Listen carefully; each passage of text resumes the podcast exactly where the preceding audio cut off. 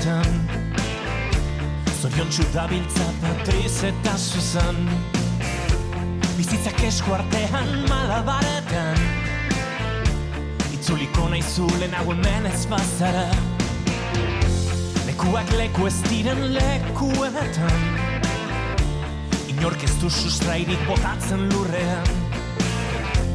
Aguroz pinduen eta ongi etorrien Lekuko diran leku ez jola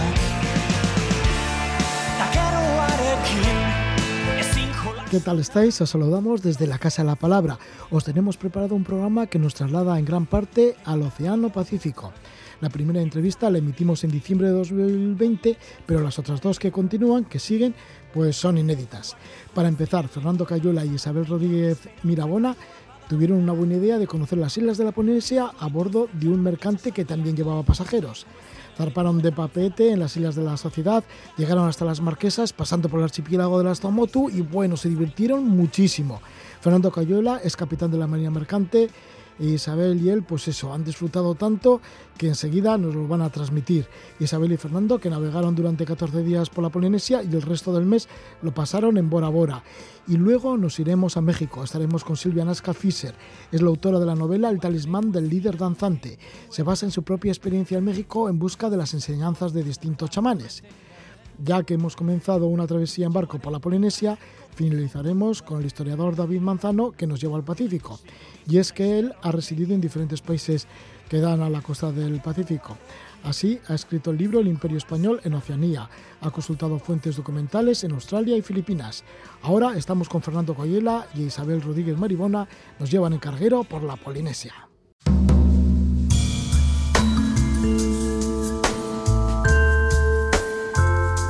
En la Casa de la Palabra, escenas marinas, a golpe de ola.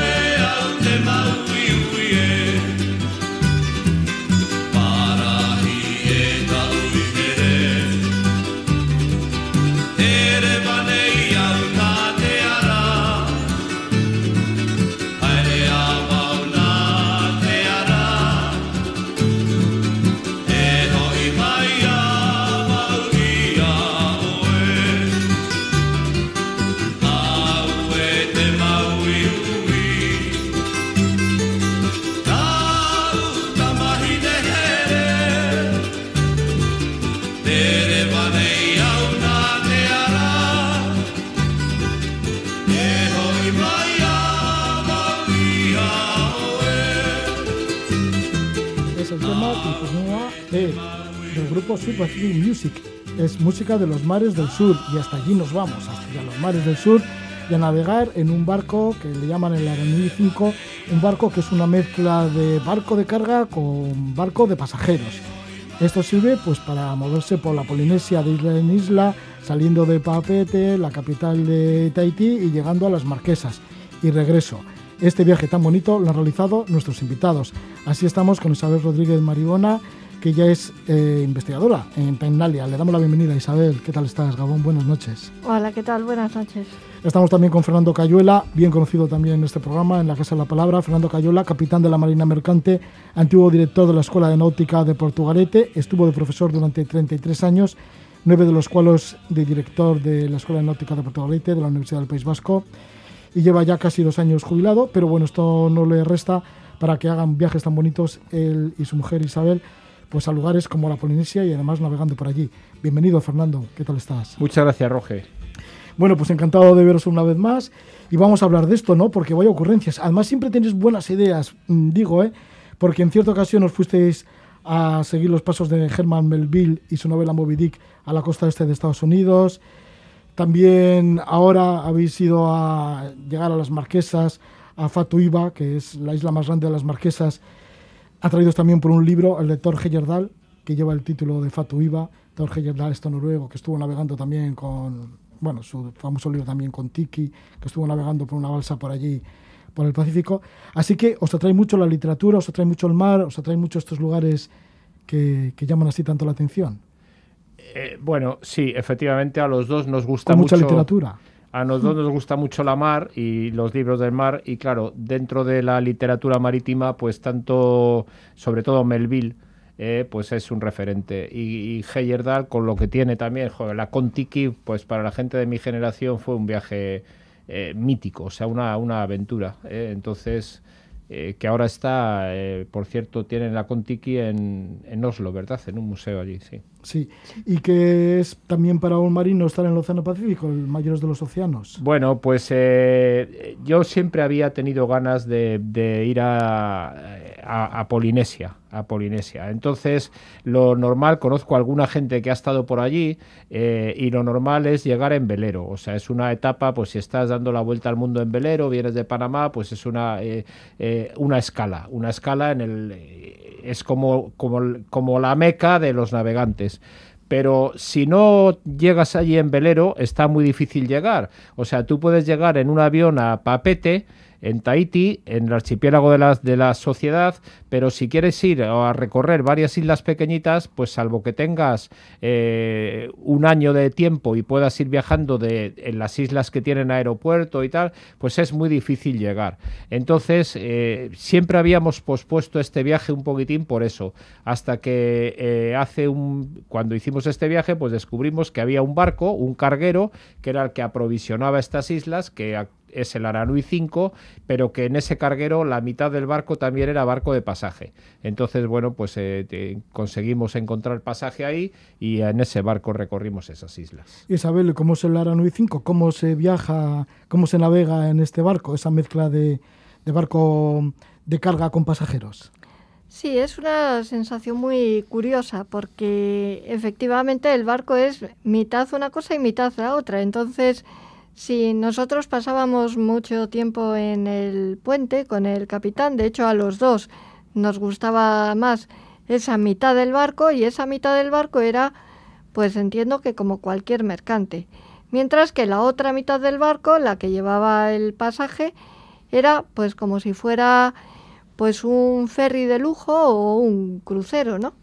Entonces eh, estaba totalmente, totalmente separadas las, las dos mitades. De hecho, normalmente el resto de los pasajeros yo creo que casi no accedían a la zona del mercante, pues porque era mucho más incómoda, no tenía esas cosas que, que tienen que tienen los cruceros que están habilitados para el pasaje, ¿no? Pero a sí nosotros que- nos gustaba más. Claro, estabais más en la zona de la zona de carga, descarga y tal, y eso, ¿no? La zona del mercante. Sí. os dejaban pasar, igual a ti como capitán. Sí, Sí, ¿no? sí, bueno, eh, pues enseguida hicimos amistad con el capitán. El capitán era Loic, que era un bretón eh, joven, eh, que llevaba bastante tiempo en esa compañía. Esa compañía es una compañía, eh, los armadores son chinos, la familia Wong, eh, pero, pero los oficiales del barco, eso es Polinesia francesa, entonces los oficiales del barco son franceses y la tripulación es, es polinesia. Casi todos, muchos de ellos son habitantes de Marquesas y de Tuamotu, fundamentalmente. Pero los oficiales son franceses, aunque creo que había algún polinesio también, y entonces, pues claro, eh, eh, eh, la verdad es que hicimos buena amistad con, con el capitán y con algún oficial de allí, sí, pasábamos tiempo navegando en el puente, sí. Isabel, ¿y ¿cómo es la dinámica de la navegación en este barco, en el Aranui 5 por la Polinesia? Bueno, la dinámica normalmente eh, casi todos los días se llegaba a una isla porque una vez que llegas a las marquesas están bastante alejadas. Para llegar de la sociedad a las marquesas pasas normalmente por otro archipiélago que son las Tuamotu que tienen la misma necesidad de un barco que las abastezca pues eh, regularmente. Entonces el barco para primero en Tuamotu para abastecer a esas islas y luego continúa a las marquesas. Pero una vez que llegas a las marquesas es un, es un eh, archipiélago bastante eh, compacto y casi pues todos los días llegábamos a una isla diferente. Entonces normalmente el barco pues eh, solía viajar de noche, llegabas por el por la mañana normalmente y es cuando empezaban las operaciones de descarga del barco y de carga de todo lo que tenían que llevar para la siguiente isla. En ese ínterim, entre la carga y descarga, que solía durar, pues no sé, entre 5 o 8 horas, la verdad es que era bastante lento, es cuando, como las islas son pequeñitas, pues podíamos desembarcar para, para visitar las, las islas. ¿Era un acontecimiento para los isleños que llegaría a este barco? Es su referencia, o sea, es el único barco que llega. Entonces, eh, eh, pues hombre, eh, se te rompe algo en la casa o necesitas unas tenazas, y, como no te vengan en el Aranui, no, todo es así. O sea, estas islas traen todo. Veías desembarcar cuando eh, descargaban la mercancía para cada isla, que la descargaban en, unas, en unos pontones que se abarloaban al barco y lo descargaban con los medios de a bordo pues, eh, pues igual descargaban eso, un contenedor, 25 sacos, eh, dos caballos, eh, unos puertas de, de, aluminio y todo iban poniendo allí y claro, era pues hasta el siguiente barco que tardaría, o sea, hasta la siguiente vez que llegara el Aranui, que eran pues algo más de un mes, pues eso, eso es la. entonces era, era una forma, era, era, una navegación y una forma de aprovisionarse, pues eso, de los años del siglo pasado que vamos, ya, ya no encuentras eso en ningún sitio del mundo, que yo sepa. Las Islas Marquesas han cambiado de lo que escribió Torge Yerdal en su libro Fatuiva. Cuando habéis llegado a Fatuiva, ¿es parecido a lo que habéis leído en el libro?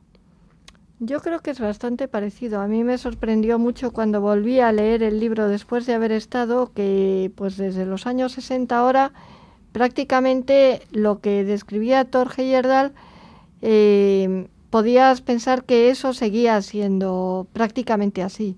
Son unas islas en las cuales yo creo que de hecho cada vez están perdiendo más población. Eh, y entonces, bueno, pues sí, tendrán ahora probablemente en aquella época a lo mejor no había un ambulatorio y ahora tienen un pequeño ambulatorio para los temas así más de urgencia o una pequeña escuela que seguramente en la época de Torge Yerdal igual también existía. Pero aparte de eso, no han cambiado mucho más. Sí, siguen siendo unas islas llenas de vegetación, montañas y demás. Sí, porque además estuvisteis caminando, ¿no? Por Fatuiva. Sí, en Fatuiva concretamente, que estuvimos, es, es la, más grande de Marquesas, eh, pues cruzamos, el, te daban la opción, llegabas, eh, fondeabas eh, en una parte de la isla y, y luego el barco tenía que ir a la otra parte.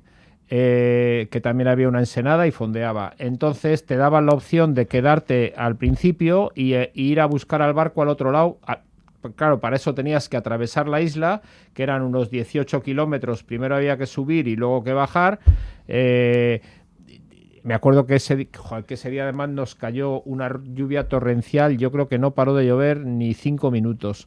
Eh, entonces, eh, pero y, el, y el, la isla entera es, es, una vegetación exuberante, vamos, es, tremendo de, aquello, es, una, es, una, explosión de vegetación.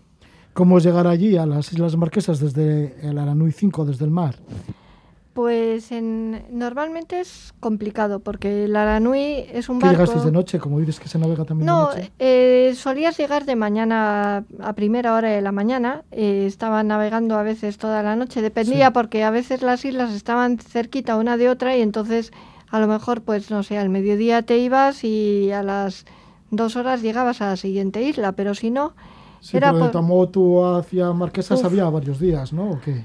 Día y medio yo creo que había por ahí. Era, sí, día y medio que además lo que llamaba la atención es que no por allí no pasaba ningún barco ni nada. Se estaba el Aranui solo. En, eh, pero luego llegabas y claro, no, no hay, hay un pequeño muelle, a veces, cuando lo hay, y entonces pues el que atracara el Aranui, en concreto en una de las islas, que no recuerdo cuál era, porque la verdad es que todas tienen nombres muy similares, creo que era Uapo o alguna de esas. Uapo.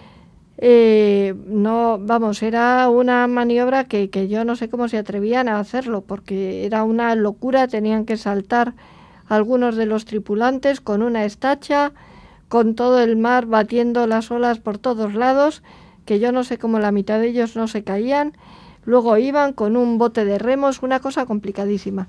Y así era la llegada a las islas, porque claro, no hay un muelle para que atraquen los barcos, porque allí no, no atraca nadie más que el, más que el no hay nadie más que vaya. Y entonces es bastante peculiar. Sí, ya habéis estado en alrededor de cinco islas, en las Marquesas, con nombres tan bonitos como Nuku Iba, Ua Uca, Iba Oa, Tuata y la propia Fatuiba. Eso es, eso O sea, ya solo por los nombres dices, esto tiene que ser maravilloso. Como para acordarse, si no llevas una chuleta... No, no llevo la chuleta que tú me la has pasado, así que... si no llevas una chuleta no te acuerdas. La verdad es que son estos nombres polinesios, eh, kaki, que sí, curiosos. Sí. Bueno, que la Polinesia ya habíais tenido contacto, ¿no? Con el Pacífico habíais estado también en Australia, en Nueva Zelanda, también habéis estado en Rapa Nui, en Isla de Pascua. ¿Qué les une a todas estas culturas?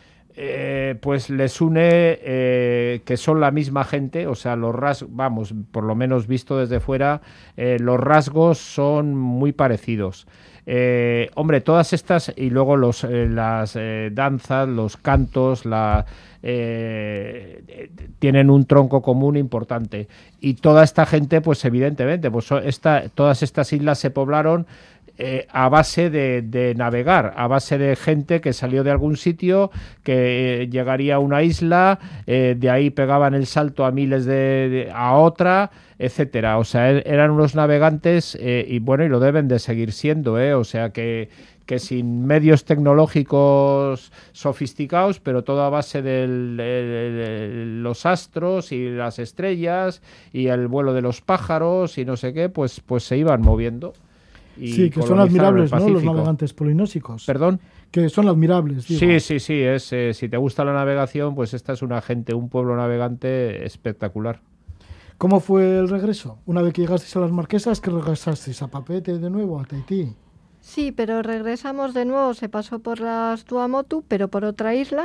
Entiendo que lo mismo, pues para, para llegar, al final lo que trata el barco es de optimizar de alguna manera, tocar el máximo número de islas para aprovisionar el máximo número de islas, ¿no? Entonces, a su regreso pasó por otra de, de las islas, por Rangiroa, y después de ahí pues iba a Bora Bora. Yo creo a Bora Bora ya iba fundamentalmente eh, porque se pasa cerca y porque los turistas pues todos quieren ir a Bora Bora, porque Bora Bora sí está bien comunicada y realmente no, no le hace falta que vaya a la Nui. De hecho, yo creo que ahí apenas descargaba nada excepto todos los turistas deseosos de, ver la laguna de coral, ¿no? Ya, la laguna de coral. ¿Cómo es la laguna de coral de Bora Bora? Eh, pues yo no sé si he visto algo tan bonito en el planeta Tierra. Eh, sobre todo visto desde un avión. O sea, es, espectacular. Es, eh, y sobre todo la de Bora Bora. La de Bora Bora es eso, como una especie de, de, circunferencia eh, con las paredes de coral, el agua de un azul limpio, es precioso. Es, es, es, es, un espectáculo, la verdad es que es un espectáculo. Bueno, por las maravillas que habéis encontrado por la Polinesia, navegando en un carguero, también para pasajeros, bueno, una mezcla de carguero y pasajeros, que es el Aranui 5, habéis ido navegando desde Papete, en las Islas Sociedad, la capital de Tahití, luego pasando por los Tamotu, llegando a las Islas Marquesas y ya regresando por Bora Bora. Maravillas que nos están contando Fernando Cayuela y Isabel Rodríguez Maribona.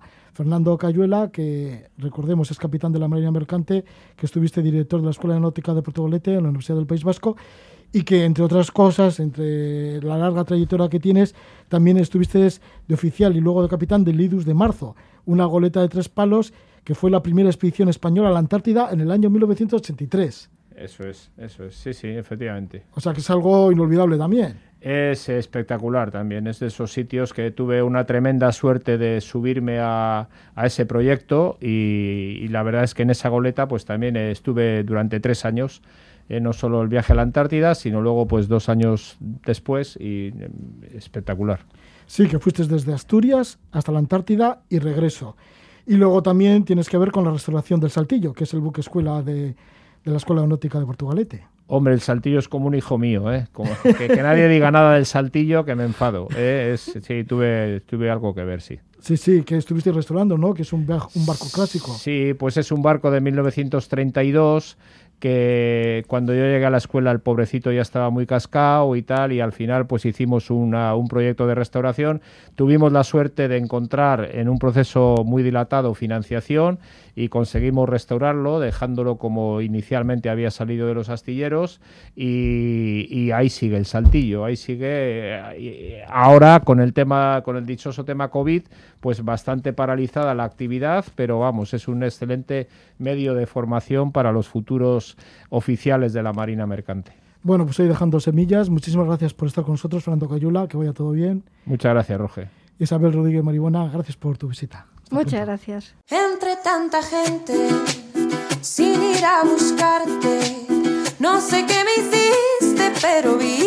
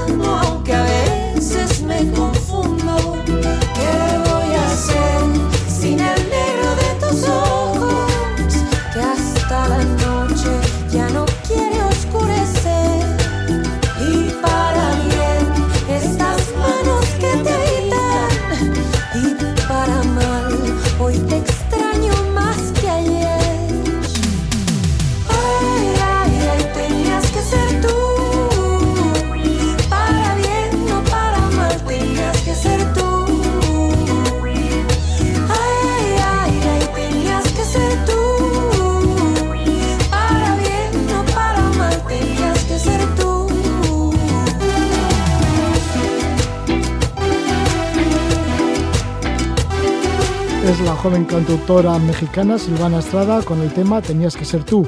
Nos vamos hacia México y vamos a conocer el México, mm, diríamos, de los chamanes, de la magia.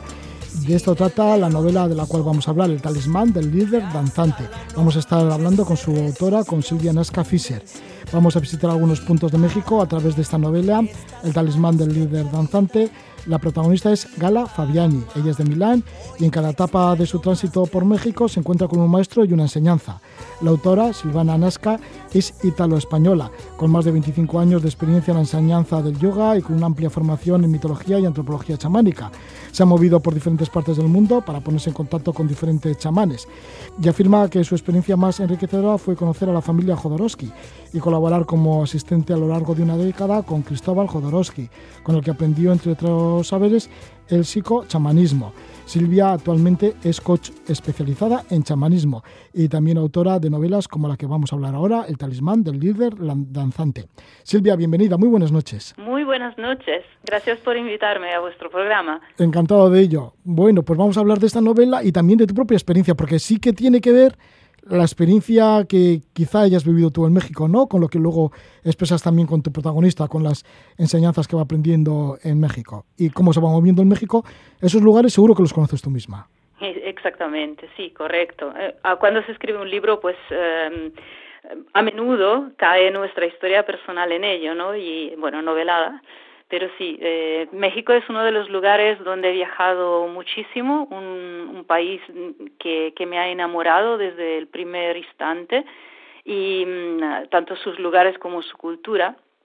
Y por eso que decidí que iba a ser el, el, el fondo eh, ideal para una, una novela que habla sobre empoderamiento personal, porque viajar a México es magia.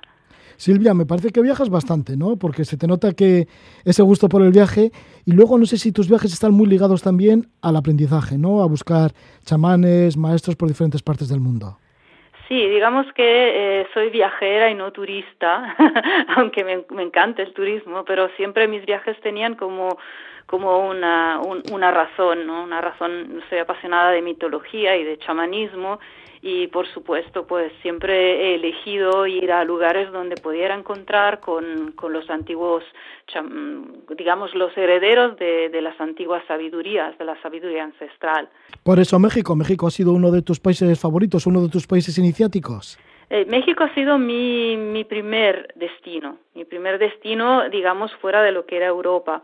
Y, y bueno, digamos que, que también mi llamada a México fue, entre comillas, por, por razones personales, como le ocurre a la protagonista, que eh, la protagonista se marcha por, por un desengaño amoroso, y yo también estaba más o menos en esta encrucijada, y, y porque en aquella época estaba como, como tantos buscando la pista a ver si encontraba eh, a, algún chamán como, como Don Juan de Carlos Castaneda, ¿no? el famoso brujo de, de Carlos Castaneda. Y allí pues me dirigí y no encontré en, en, ese en ese momento no encontré al grupo de chamanes ligados a Castaneda eh, sino a, a, una maestra a doña Serafina en, el estado de, de Oaxaca sí Sí, y en el libro, pues eso es un continuo, ¿no? Caminar por, transitar por México de busca en busca de estos maestros, en busca de ese poder personal de esta persona que estaba con esa disolución amorosa y que fue a México, pues a ver si podía empoderarse, ¿no? Interiormente. Y así la novela comienza en Ciudad de México y de Ciudad de México la protagonista llega a San Luis de Potosí que está a cinco horas de autobús más o menos desde, desde la capital de México, y otras tantas para llegar a los pies de la Sierra de 14, en pleno desierto, tierra del místico Peyote, y fue el punto de encuentro con su maestra Florinda Aguilar. ¿Qué le contó Florinda Aguilar? ¿Florinda Aguilar existe de verdad o es un nombre supuesto? Mm, bueno, los nombres de, de los maestros de Gala son inventados, pero eh, detrás de cada uno de ellos hay uh, al menos uno o dos maestros reales que yo conocí. Eh, Florinda, Florinda se inspira a, dos de ellos, una, una chamana y la, otra una profesora de yoga muy querida que, que yo conocí. Eh, en, en la primera etapa de este viaje de gala, eh, Florinda le enseña el paso fundamental de, de, cada persona que quiere empoderarse y es eh, dedicar tiempo a cultivar la claridad la claridad sobre lo que uno quiere de la vida para no encontrarse viviendo la vida de otra persona, mm, viviendo las expectativas de otras personas y en cambio pues a largo plazo decidir qué significado le, le queremos dar a nuestra vida, que no es solamente un trabajo, sino quién queremos ser en esta vida y cómo queremos aprovechar el tiempo que nos concede. ¿Cómo Real de 14 y por qué la gente acude tanto por allí? ¿Es un lugar tan mágico como dicen y se pueden encontrar esos maestros? Eh, bueno, Real de 14 es famoso porque es un lugar sagrado para los, los huicholes, que son absolutamente unos de los grandes herederos de la sabiduría ancestral, y también pues un peregrinaje para poder tomar la planta sagrada del Licuri, conocido como peyote. Eh, en esta zona, pues como, como en todas las zonas famosas para eh, ser lugares de poder, nos podemos encontrar con grandes maestros o grandes charlatanes. Y sin embargo se aprende de ambos. en la vida se aprende de ambos. Pero el Real de 14 realmente es una ciudad con, con mucho encanto, eh, con mucho poder y también estando rodeada por el desierto, pues uno tiene la, la um, oportunidad de encontrar estos espacios vacíos, este espacio de silencio y de tranquilidad donde es posible que, mm, que favorezcan la introspección y el hacerse las grandes preguntas, ¿no? Incluso porque la memoria colectiva de los huicholes y de las personas que han ido allí a buscar está presente y nos ayuda a elevar a nivel de vibración y conectarnos con, con las grandes preguntas, ¿no? Con las, la grande búsqueda. Seguro que otro lugar importante dentro de esa elevación, de esas grandes preguntas y esas contestaciones, y un lugar de paz y silencio, supongo, no lo sé, puede ser Teotihuacán, que también aparece en tu novela. Sí, Teotihuacán es, es eh, un centro ceremonial que se llama, eh, en la traducción sería la ciudad de los dioses, ¿no? La ciudad donde vamos a encontrar nuestra divinidad interior. Y en, uh, en el momento en que la protagonista lo visita es antes de la llegada de los turistas, ¿no? Eh, porque es una, una meta muy concurrida si se viaja a México. Y en principio, pues a Gala le enseñan en este, en este lugar la importancia de la disciplina, por ello que, que la visitan una, una hora muy temprana, porque en uh, el caos del día es difícil encontrar, uh, digamos, un espacio de, de tranquilidad y de enfoque, ¿no? Entonces, pues Teotihuacán tiene, es famosa por dos pirámides, una que es la pirámide del Sol y la otra la pirámide de la Luna. Y en la pirámide del Sol, eh, a Gala, los maestros le anclan el significado de la práctica que hay que hacer la mañana, porque representa el sol y es una práctica que le enseñan a hacer antes de la salida del sol, en esta hora donde los chamanes eh, decían que era un horario especial, un horario de poder. También en el yoga se dice que antes de la salida del sol es un horario donde podemos respirar la mejor y más pura energía. Y em, en cambio en la pirámide de la luna a Gala le enseñan unas prácticas que hay que hacer en la segunda hora de poder que nos ofrece la naturaleza, que es al bajar el sol antes de que empiece la noche. Entonces son las dos fases de transición. Y allí también le enseñan que es importante terminar el día con un sentido de gratitud hacia lo aprendido y gratitud hacia las enseñanzas buenas y malas y también pues hacer como el punto de la situación que hemos aprendido para poderlo repetir o qué es lo que no ha funcionado para hacer mejor el día siguiente. Eso ocurre en Teotihuacán. Es el paso de la disciplina. Otro de los puntos que visita tu protagonista, Gala, es Monte Albán, esto en Oaxaca. Ahí están las ruinas mixtecas y zapotecas, a pocos kilómetros de Oaxaca, capital. Sí, Oaxaca eh, es un lugar eh, tremendamente poderoso, mágico y bello. Es uno de mis lugares favoritos en, en, en México.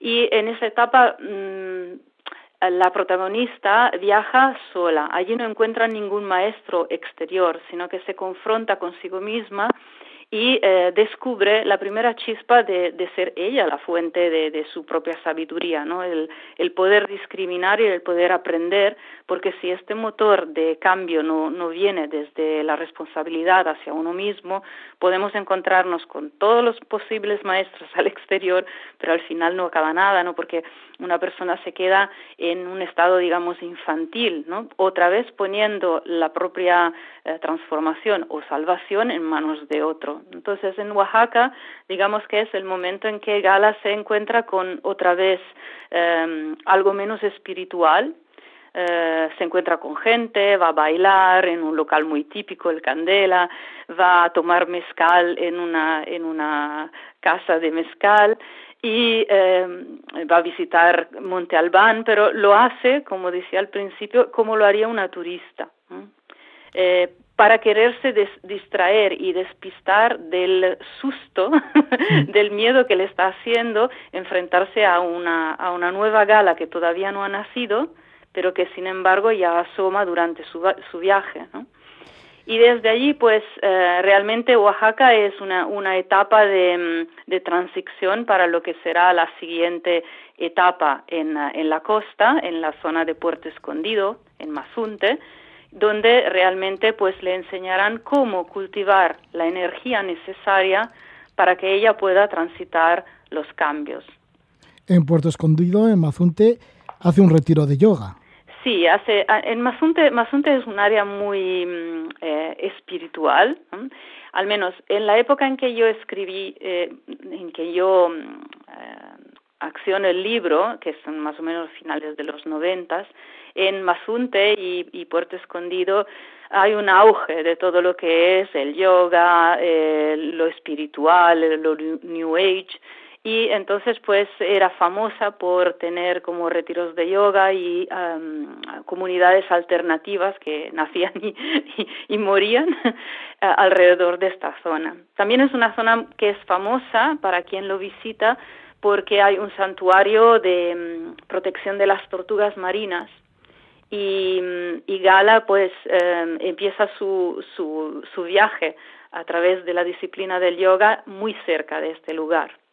Aquí le enseñan, aunque la protagonista del libro es una entrenadora personal de fitness, le enseñan cómo utilizar la energía del cuerpo y eh, cómo utilizar la energía sutil del cuerpo para mm, no perderla en, uh, en actividades inútiles y sobre todo cómo cuidar del cuerpo porque uno se aplica a escucharlo y a hacerse guiar por el cuerpo y no como a veces ocurre con la gimnasia tra tradicional, domar el cuerpo y quererlo doblar, utilizarlo como una máquina, ¿no? que es un poco lo que le ocurre a Gala. A amar el cuerpo y a utilizar cabalgando esta energía conscientemente. Después de este caminar, de este tránsito por México, regresa de nuevo a la capital, a Ciudad de México, y allí conoce pues el Arena de México, en donde están los luchadores con sus caretas, ¿no? Que resulta como muy divertido. Luego la Plaza Garibaldi y tantos sitios, ¿no? Como también una zona, ¿no? La isla de Cañas, que es una gran ciénaga. Porque... Xochimilco. Xochimilco, ¿no? Porque ahí justamente es en donde, donde originariamente la Ciudad de México estaba sobre estos jardines flotantes, bueno, sobre una gran ciénaga en general. Bueno, la Ciudad de México está construida prácticamente en un área palustre, ¿no? Entonces, pues los antiguos aztecas y, mixtecos, eh, mexicas, perdón, lo que hicieron fue mm, aprovechar esta, estas pequeñas islas y ah, con las plantitas, como construir, como ir construyendo realmente la tierra bajo sus pies. Entonces, eh, estas chinampas fueron el, primer, el primer suelo debajo de, de, Ciudad de México. Y ahora queda en el área de Xochimilco, que es un parque, un, un, área como donde, donde las familias van, van a divertirse, van a relajarse, sobre todo los fines de semana. ¿no? Esto es parte de esta novela. La novela es El talismán del líder danzante. Estamos con su autora, con Silvia Nasca Fischer. Son cinco pasos hacia tu poder personal, así lleva el subtítulo esta novela, en el cual, bueno, pues la, protagonista Gala Fabiani, que es una chica milanesa, pues se acerca a México y allí tiene un, un contacto con diferentes chamanes, con diferentes maestros un libro, pues eso, que además de viajar por México es un compendio de las enseñanzas. Enseñanzas que las has vivido tú misma, ¿no, Silvia? Sí, bueno, eh, me habría gustado vivirlas así tan cerquita y tan coherentes como con Gala, eh, pero he, hecho lo posible para resumir lo que a mí me ha sido útil a lo largo de muchos viajes, ¿no? Y entender que simplemente, pues sí que hay una estructura en, eh, en la búsqueda del, del, del, propio poder personal que pasa a través de la, de la búsqueda de la claridad, a través de, la disciplina constante, que no quiere decir sacrificio, sino pues poner eh, nuestra propia energía en marcha, eh, cultivar la energía sin derrocharla, darnos tiempos para regenerar esa energía con, algo placentero y bello y sobre todo pues hacerlo con una, una, ética de elegancia, de elegancia en términos de ser ecológicos con los demás y con el ambiente, ¿no? de, de que nuestro cambio no sea eh, de, dañino para los demás ni para nuestro planeta, de, de ser conscientes, digamos. El talismán del líder danzante lo edita Kepler.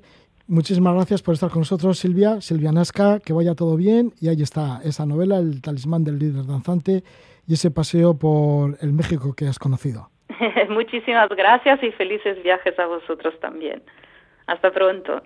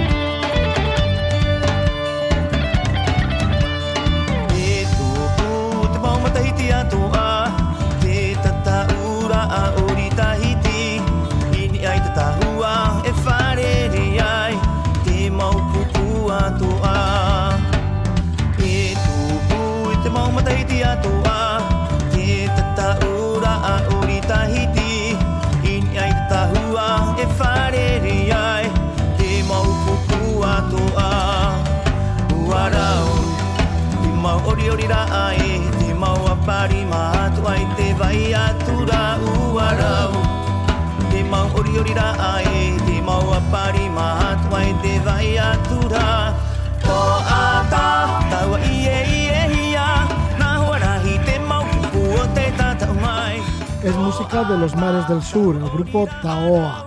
Nos acercamos al Océano Pacífico y estamos con David Manzano, doctor en Historia Contemporánea, se ha especializado en Relaciones Internacionales de la Oceanía tras superar cuatro másteres y realizar diferentes estancias de investigación en Australia, Filipinas, Japón y Guam. Publica el ensayo histórico El Imperio Español en Oceanía. El autor describe las rutas comerciales que abrieron los marinos españoles en las islas del Pacífico, especialmente en sus colonias de Filipinas, las Marianas y las Carolinas. Se trata de una obra escrita para comprender uno de los lugares más desconocidos y recónditos del imperio ultramarino español. Tenemos con nosotros al autor de esta obra, David Manzano, nacido en Córdoba en el año 1985, nos escucha desde Sevilla, en donde trabaja. Le damos la bienvenida. David, muy buenas noches. Muy buenas noches. David, eh, ¿cuáles son estas islas protagonistas de este estudio y en dónde se sitúan dentro de los mares del sur? Bueno, pues las islas que, forman parte de mi estudio fueron parte del, Imperio Español y fue el territorio más lejano. Y están ubicadas ah, en el seno del Pacífico. Eh, concretamente, hoy serían ah, las islas que comprenden el, los Estados Federados de Micronesia y eh, la isla de Guam y los Estados y la Marea del Norte. Para que los oyentes se sitúen, estarían situados, si cojamos una línea y la, y la trazamos donde está Japón, eh, trazamos una línea hacia el sur, pues eh, mitad entre Filipinas y Japón, ahí estaría esa, esa isla. ¿Cuáles han sido las fuentes consultadas por ti mismo para crear esta obra, que es un libro bastante de bastantes páginas que lleva este título, El Imperio Español en Oceanía? ¿Te has movido por allí, por las antípodas?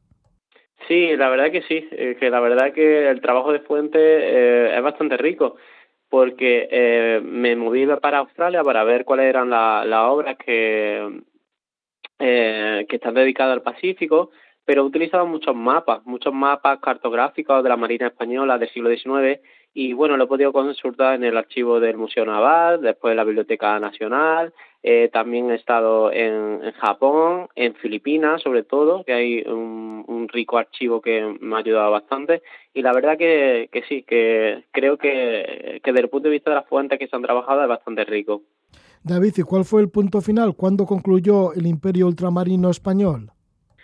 Bueno, pues el Imperio Ultramarino Español eh, concluye con el Tratado de, eh, de Ventas de esta isla, de las Carolinas las Marianas, Alemania en 1899.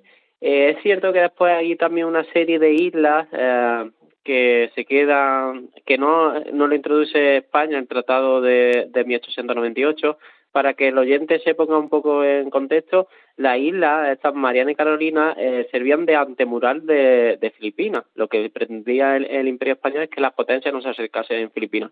Entonces, cuando España ah, eh, sale derrotada con la, en la guerra de, con los Estados Unidos, firma el Tratado de París y se desprende de las Filipinas, de Cuba y de Puerto Rico y de la isla más importante de las Marianas, de Guam en las islas que le quedaba a España no tenía ningún tipo de, sentido ya para, para, el imperio y lo que hace un año más, más tarde eh, es venderlo a Alemania en, en 1899. Sí es cierto que del Tratado de París, el tratado que pone fin a la guerra de, España con Estados Unidos, hay dos islas que se quedan fuera de ese tratado porque establece eh, por medio de coordenadas geográficas cuáles son las islas filipinas que España cede y hay un tratado que es muy poco conocido de 1900 por el cual Estados Unidos compra dos islas que se le quedaron em, a, España por, por el, eh, o sea que no aparecía en el tratado de, de 1898. Entonces, a grosso modo podríamos decir que a finales del siglo XIX acaba el imperio ultramarino español. ¿Y cómo empieza todo? Bueno, ya lo sabemos, ¿no? Con, bueno, entre otras cosas, bueno, si nos vamos muy, muy atrás, pues el viaje de Colón en 1492, que tenía la intención de llegar a Zipango, a Japón, pero no llegó, llegó a América. Luego la llegada a la India de Vasco de Gama, portugués, por el Cabo Africano de Buena Esperanza en 1498. También podíamos nombrar el descubrimiento de los mares del sur por Núñez de Balboa en el año 1513 y sobre todo pues el viaje de circunnavegación al planeta por Magallanes Elcano entre 1519 y 1521. Y luego ya la consolidación para la corona española del archipiélago de Filipinas de Miguel López de Legazpi y el hallazgo de Andrés de Urdaneta del tornaviaje de América. Miguel López de Legazpi pues que está allí por Filipinas y luego ya pues Urdaneta con el tornaviaje a América pues ya se abre esa vía comercial, ¿no? Que eso diríamos que fueron los antecedentes y la consolidación de, de ese imperio español en Oceanía. Bueno, tiene dos fases. Eh, la consola, hoy no sale la palabra, la consolidación del Imperio Ultramarino español. Uno, como bien indica, como bien indicas tú, es el deseo de España de crear una ruta comercial entre Filipinas y América. Eh, España, de hecho, el Pacífico en el siglo XVI, XVII lo conceptualiza básicamente como una ruta. No tiene ningún tipo de, de interés en lo que es la Oceanía. De hecho, se posiciona en Filipinas y lo hace también en Guam, en la capital de, la, de las Marianas, un poco como capricho de eh, em, la reina uh, Mariana, por eso se llama Mariana de Austria, en colonizarla. Pero el resto del Pacífico no tenía ningún tipo de interés.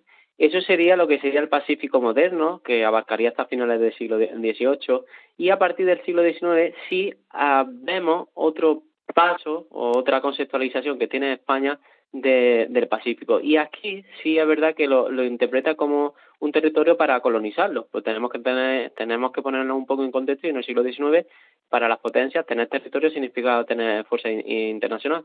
Entonces España lo que hace en el siglo XIX es eh, intentar colonizar la Carolina, de hecho lo va a, a, colonizar en 1886 y 1887, un poco para dar la apariencia internacional de que España, como el resto de las grandes potencias, está preparada para la colonización. Entonces tiene dos, dos, dos, dos fases.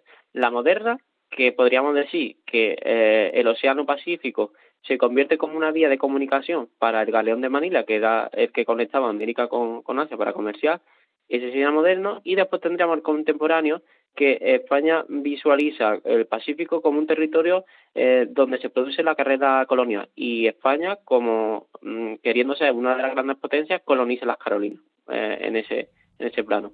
Sí, eso en el siglo XIX, pero antes ya has nombrado el galeón de Manila, ¿no? que se crea entre 1644 1565. ¿Cómo eran estas rutas comerciales, esas eh, primogenias rutas comerciales? Que iban, pues eso, por la ruta que descubrió Andrés de Urdaneta del viaje hacia América, porque iban desde, desde Filipinas hasta, hasta Acapulco, ¿no? En, en México.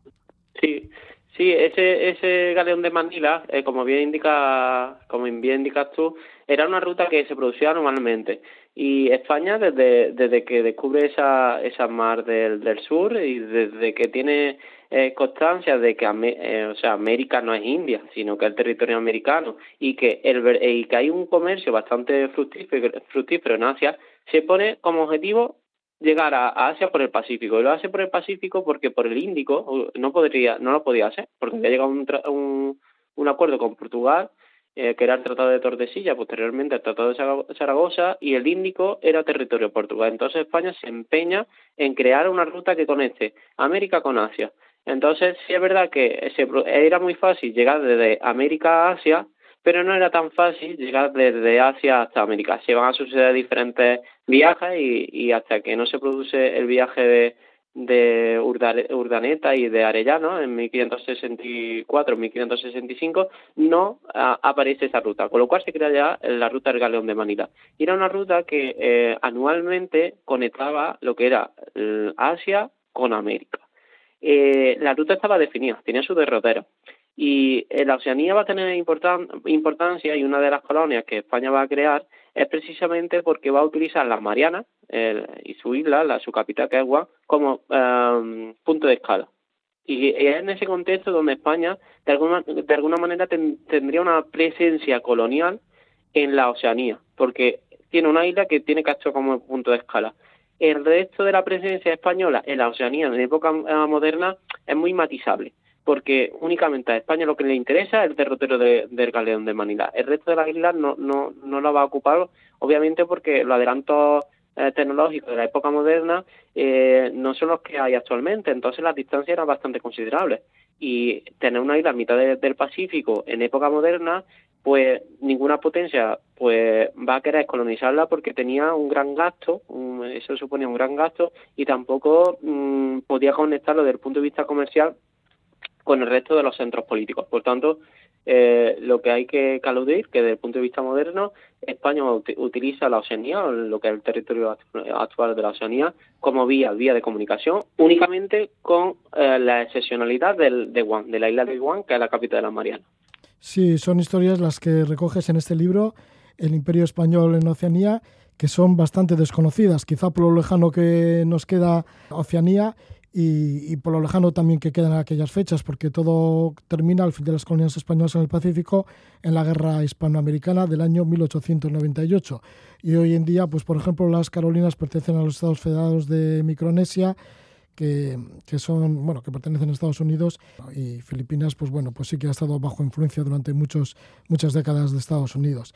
Todo esto se recoge en este libro y estamos con su autor, con el historiador David Manzano, doctor en Historia Contemporánea, que se ha especializado en relaciones internacionales de la Oceanía y además para encontrar las fuentes de la documentación que presenta en el libro, pues ha viajado allí a las antípodas, a Australia y también has estado en, en Guam, ¿no? En el mismo Guam, en la misma isla de Guam. Sí, la verdad que me resultó bastante difícil, pero bueno, entiendo que si soy especialista en estas islas tengo que viajar al lugar de origen, aunque es cierto que la mayoría de la documentación que, yo he trabajado, como es colonial, estas islas dependían de Filipinas, entonces la documentación estaba en, Filipinas. Trabajé esa documentación durante mi tesis doctoral y fue fue lo que pues quizás la fuente más rica de, de, mi tesis doctoral pero antes de publicar el libro viajé a agua por la sencilla razón de que si quiero ser especialista en, en esta isla pues tengo que viajar ahí muchísimas gracias por estar con nosotros David Manzano autor de este libro El Imperio Español en Oceanía para esta investigación pues has estado pues ahí en la isla de Guam pero también en Japón Filipinas y Australia que vaya todo bien, David Manzano, con el libro, un libro que lo edita Almuzara. Hasta otra, David. Muchas gracias, ¿eh? Gracias.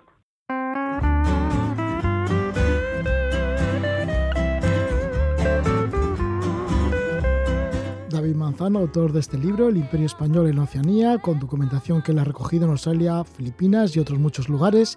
David Manzano, que nos ha llevado por ahí, por el Pacífico, y es que el programa de esta noche ha sido dedicado especialmente a este océano. Esta entrevista con David Manzano ha sido totalmente inédita, la que hemos hecho con Sabrina Nasca Fischer sobre el talismán del líder danzante también, y la primera de ellas con Fernando Cayola e Isabel Rodríguez Maribona, que nos ha llevado por Polinesia en carguero. Esta sí que la emitimos hace tiempo, el 20 de diciembre de 2020. Ahora, pues sí, nos vamos con música de allí, del Pacífico, de los mares del sur. Es Rayatea Gen. Que disfrutéis.